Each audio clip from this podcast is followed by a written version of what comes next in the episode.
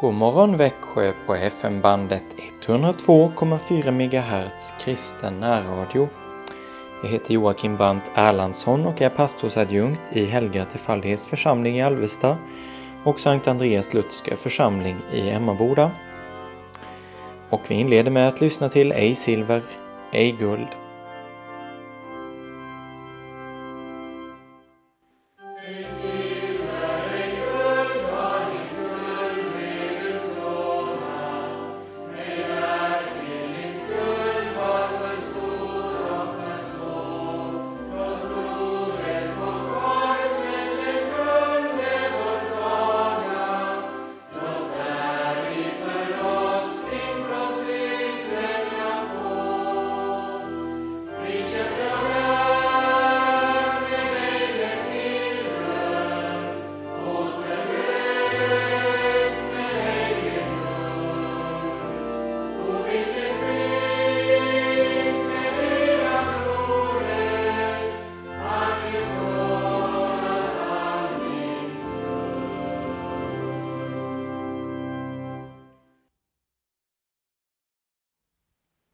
Denna morgon skulle jag vilja att vi inleder med en sångvers.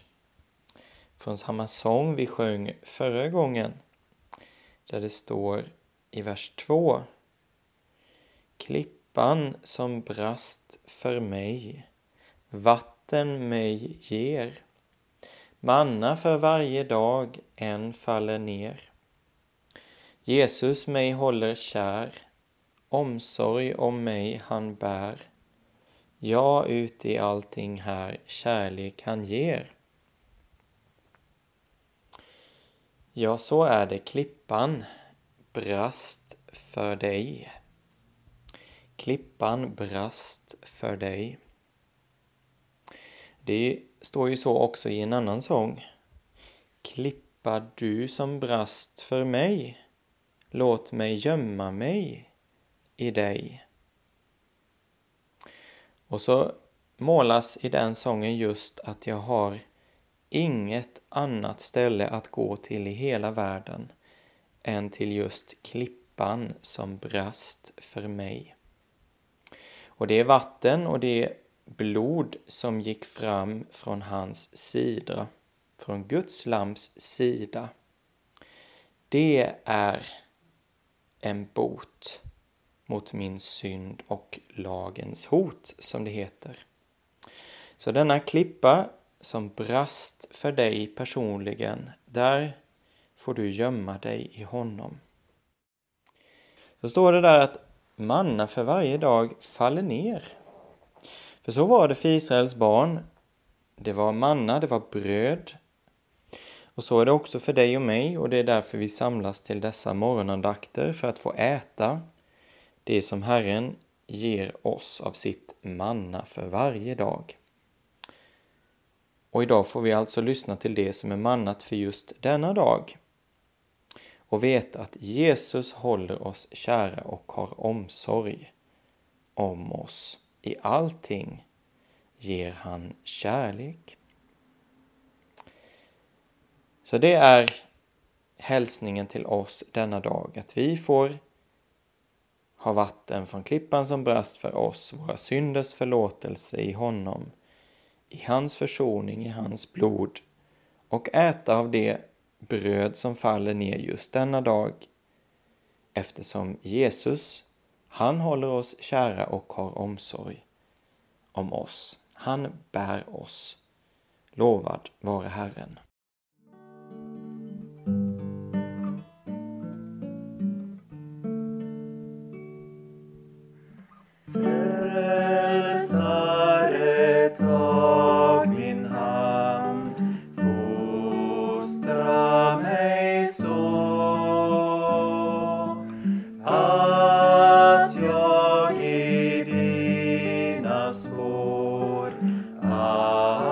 Spår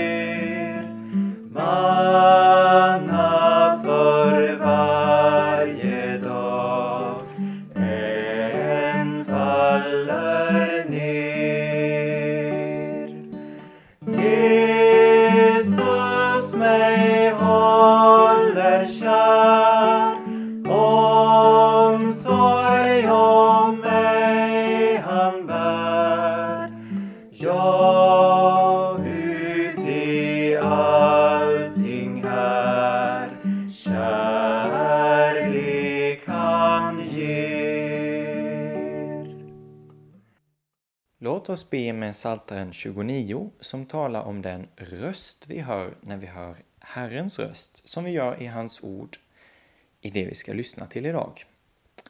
Hur är Herrens röst? Ja, det ger oss Psaltaren 29 svar på. En psalm av David. Ge åt Herren, ni Guds söner, ge åt Herren ära och makt. Ge åt Herren hans namns ära. Tillbed Herren i helig skrud. Herrens röst ljuder över vattnen. Gud den härlige dundrar. Herren över de stora vattnen. Herrens röst är mäktig, Herrens röst är majestätisk. Herrens röst bryter ner sedrarna, Herren bryter Libanons sedrar i stycken. Han får Libanon och Sirion att hoppa som kalvar, som unga vildoxar. Herrens röst klyver luften med flammande eld. Herrens röst kommer öknen att bäva. Herren kommer Kaders öken att bäva. Herrens röst får hindarna att föda, skogarnas klädnad rycker han bort. I hans himmelska boning förkunnar allting hans ära. Herren satt på sin tron när syndafloden kom. Herren tronar som konung för evigt. Herren ger makt åt sitt folk. Herren välsignar sitt folk med frid. Jag läser ur Livets segerkrans av den danske prästen Hans-Erik Nissen. Världsliga bekymmer kväver ordet så att det blir utan frukt. Världsliga bekymmer kväver ordet så att det blir utan frukt. Varje tid har sina bekymmer och du möter dem hela tiden. Nyheterna kan fylla sinnet med oro. Står vi på tröskeln till en katastrof? När kommer gnistan som sätter världen i brand? Hur ska det gå för dig och dina kära? Här finns ämnen till samtal och tankar som fyller oss med oro och fruktan. Och vad som är ännu allvarligare, ordet upplevs så svagt och avlägset, för det håller på att förkvävas. Analyserar du dina bekymmer ska du finna att de flesta bottnar i otro, och otrons synd skiljer från Gud. Därför är syndabekännelse nödvändig. Det är endast blodet som kan rena och befria. Du måste gång på gång öppna dig för den förunderliga sanningen som avslutar bönen Fader vår. Ty riket är ditt och makten och härligheten i evighet. När Guds rike och makt hör evigheten till betyder det inte att det är något han en gång ska få. Nej, han har det nu. Det är sant när Jesus säger åt mig har getts all makt i himlen och på jorden. Därför ska du inte mista frimodigheten. Det han inte låter oss slippa ifrån leder han oss igenom. Genom allt vill Gud förhärliga sin son. Jesus i dina spår följa jag vill. Låt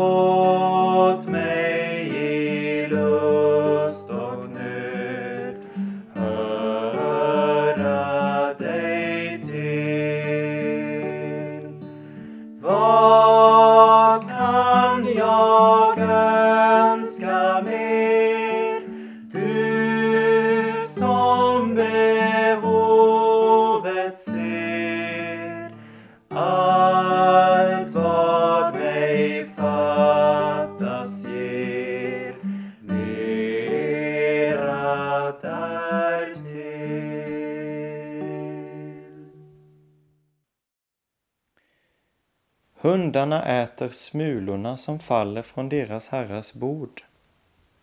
Hundarna äter smulorna som faller från deras herrars bord. Även om din hund är liten har den rättigheter. Kanske inte så många och stora, men ändå några. Den kananiska kvinnan lär oss hur välsignat det är för en syndare att gå in under hundens rättigheter inför Gud. När det sker är det förbi med den självupphöjelse där jag mer eller mindre menar att Gud ska stå till svars inför mig. Jag är också på det klara med att jag inte kan kräva något som helst. Och ändå har jag en rätt hos Gud. Det är hundens rätt till smulorna från hans rika bord. Ju djupare ditt hjärta lyssnar till och tar emot den rättighet som nåden ger dig, desto mer fylls du av förundran. Den plats Jesus har vunnit åt dig är inte en plats under bordet. Nej, du ska få sitta till bords. Och inte med vem som helst. Tänk att få sitta till bords med Abraham, Isak och Jakob. Det är inte tomma ord när Herren säger att var och en som ödmjukar sig ska bli upphöjd. Därför måste du och jag gå in under hundens rättigheter. Vad Herren sedan gör är hans sak. Men du behöver inte tvivla. Han handlar så underbart med dig att det går långt utöver vad du kan fatta och förstå.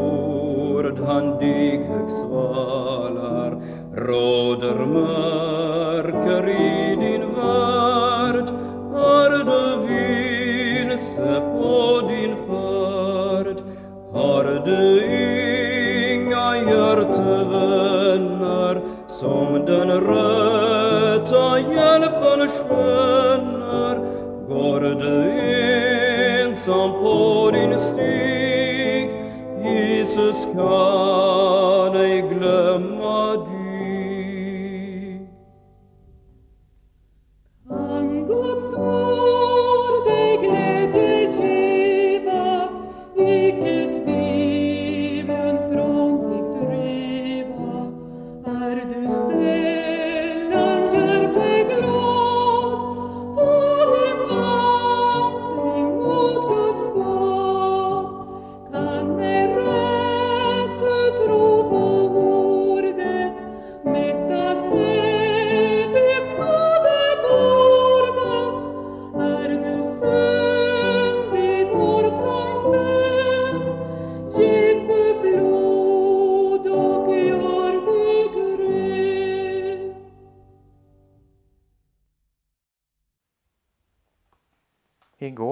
firade vi söndagen före pingst och vi ska nu läsa en betraktelse ur andaktsboken Ett nådens år av prästen Simon Nilsson Röstin. Och vi läser först en text ur Johannes evangeliet 16 kapitel, vers 23 till 33. Den dagen kommer ni inte att fråga mig om något. Amen, amen säger jag er. Vad ni ber Fadern om i mitt namn, det ska han ge er. Hittills har ni inte bett om något i mitt namn. Bed och ni skall få, för att er glädje skall vara fullkomlig. Detta har jag talat till er i liknelser. Men det kommer en tid då jag inte längre ska tala till er i liknelser, utan öppet förkunna för er om Fadern. Den dagen ska ni be i mitt namn och jag säger inte att jag ska be till Fadern för er, ty Fadern själv älskar er eftersom ni har älskat mig och tror att jag har utgått från Gud. Ja, jag har utgått från Fadern och kommit till världen. Nu lämnar jag världen och går till Fadern. Då sa hans lärjungar, se, nu talar du öppet och inte i liknelser. Nu vet vi att du vet allt och inte är beroende av att någon frågar dig. Därför tror vi att du har utgått från Gud. Jesus svarade, nu tror ni. Se, den tid kommer, ja den har redan kommit, då ni ska skingras var och en åt sitt håll och lämna mig ensam. Men jag är inte ensam, ty Fadern är med mig. Detta har jag talat till er för att ni ska ha frid i mig. I världen får ni lida, men var vid gott mod. Jag har övervunnit världen. Amen. Samtal med Gud heter betraktelsen. Samtal med Gud. Amen, amen säger jag er, vad ni ber Fadern om i mitt namn, det ska han ge er. Som bekant definierar katekesen begreppet bön såsom hjärtats samtal med Gud. Nu har vi ju en besynnerlig förmåga att alltid ställa oss själva i medelpunkten. Vi inbillar oss lätt att det är vi som ska prata mest i vårt eventuella samtal med Herren. Att Gud skulle säga något faller oss liksom inte in. Han ska höra, tycker vi, höra och handla. Blir hans handlande sådant vi önskar så anser vi oss bönhörda. Att han istället skulle säga något väntar vi knappast på. Vår bön ska vara monolog. Gud ska lyssna. Så beskrivs bönen inte i Guds ord. Enligt skriften är det tvärtom Herren som talar och vi som lyssnar. Det är Herren som börjar samtalet. Vi kommer knappast av oss själva på idén att börja tala med Gud. Men han talar med oss. Och då blir frågan om vi verkligen hör på honom och bryr oss om att svara. Gör vi det, då ber vi. Av sådana böner är Guds ord fullt, ty Guds ord talar till oss. Och ofta har ordet även upptecknat vårt svar, stavat före vad vi kan säga när Herren talat. En sådan bön framför andra är vad vi brukar kalla Jesu avskedstal. Där är det mest Herren som talar och lärjungarna kommer med sina frågor och sina önskemål. Och allt vad som sägs får en särskild vikt just därför att det är avskedstalet, de sista orden innan han lämnar de sina. Det händer väl ganska ofta att den som känner slutet nalkas vill se de kära omkring sig ännu en gång. Det händer väl också att en döende talar om sina sista önskningar och tar löften av de kvarlämnade. In i det sista kan man ha kvar benägenheten att ställa sig själv i centrum och försöka bestämma för andra. Herren Jesus gjorde inte så. Han väntade inte mycket av lärjungarna. Han hade fullt klart för sig att de skulle lämna honom ensam och skingras var och en åt sitt håll. Han visste att de skulle få lida i denna världen, att motståndet och hatet skulle kännas alldeles överväldigande för dem.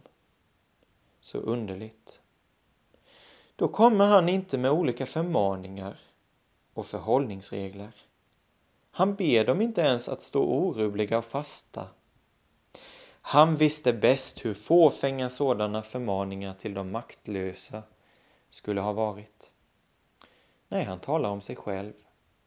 Han försäkrar att han har övervunnit världen så att den som hör honom till har skäl att vara vid gott mod.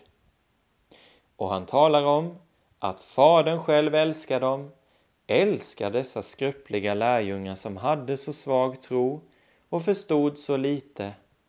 Han älskar dem bara därför att de börjat älska Jesus och trott att han utgått från Fadern. Kan det nu verkligen vara något som beveker Fadern att en människa börjat älska den ende som kan hjälpa? Att man inte kan leva utan Herren Jesus och hans försoningsverk, hans närhet, hans tröst. Skulle detta vara något som vinner Faderns kärlek? Den som lärt känna sig själv och sin hjälplöshet har ju inget annat än frälsaren att hoppas på och detta skulle vara borgen för Guds välbehag. Herren Jesus säger så och lärjungarna svarar Nu talar du öppet och inte i liknelser. Finner du fruktan ingen bättring vid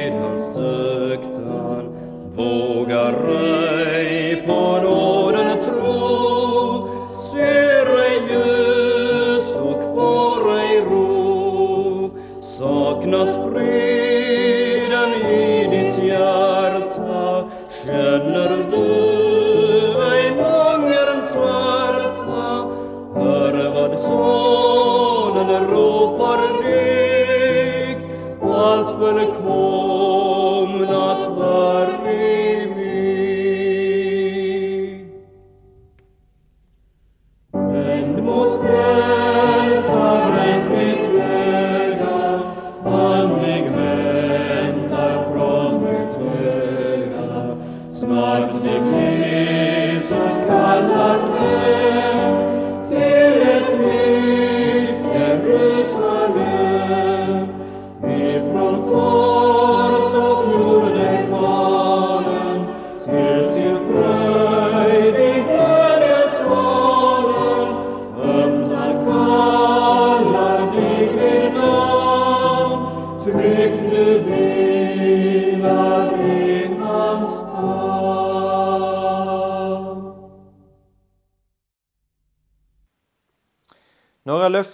avkrävde han verkligen inte. Däremot gav han löften. Så underligt att den som ska gå bort kan lova något och tänkas hålla sitt löfte. Ja, så gjorde frälsaren. Han gav lärjungarna tillåtelse att be i hans namn och lovade att deras böner skulle bli hörda. Ja, han försäkrade att Fadern skulle ge vad än lärjungarna bett om i Jesu namn. Och när han slutade sin bön genom att själv vända sig till Fadern, då betonade han särskilt att han bad inte bara för de tolv utan för alla dem som genom deras ord skulle komma till tro på honom. Det var alltså oss han tänkte på. Det var åt oss han gav löftet om bönhörelse. Har vi satt tro till hans löfte? Har vi börjat be? Har vi börjat höra efter vad Gud talar till oss? Eller håller vi det kanske för viktigast att vi talar själva och så väntar vi att Gud ska höra på? Låt oss inte så illa övervärdera oss själva och det vi kallar bön. Låt oss hellre först och främst be att Gud ska tala till oss och ge oss nåden att kunna lyssna. Ty först då blir det möjligt för oss att tala om vad vi behöver. Först när Herren har talat med oss om sig själv blir det möjligt för oss att be i Jesu namn. Men bara bönen i det namnet har löfte om bönhörelse. Amen, amen säger jag er, vad ni ber Fadern om i mitt namn, det skall han ge er. Ja, Fader vår som är i himmelen, helgat varde ditt namn. Tillkommer ditt rike. Ske din vilja så som i himmelen så och på jorden. Vårt dagliga bröd giv oss idag och förlåt oss våra skulder så som och vi förlåter dem oss skyldiga är. Och inled oss inte i frestelse utan fräls oss ifrån ondo. Ty riket är ditt och makten och härligheten i evighet. Amen. Ta emot Herrens välsignelse. Herren välsigne dig och bevare dig. Herren låter sitt ansikte lysa över dig och vara dig nådig. Herren vände sitt ansikte till dig och give dig frid i Faderns och Sonens och den helige Andes namn. Amen. Ja, Guds frid i vår uppståndne Herre och Frälsare Jesus Kristus.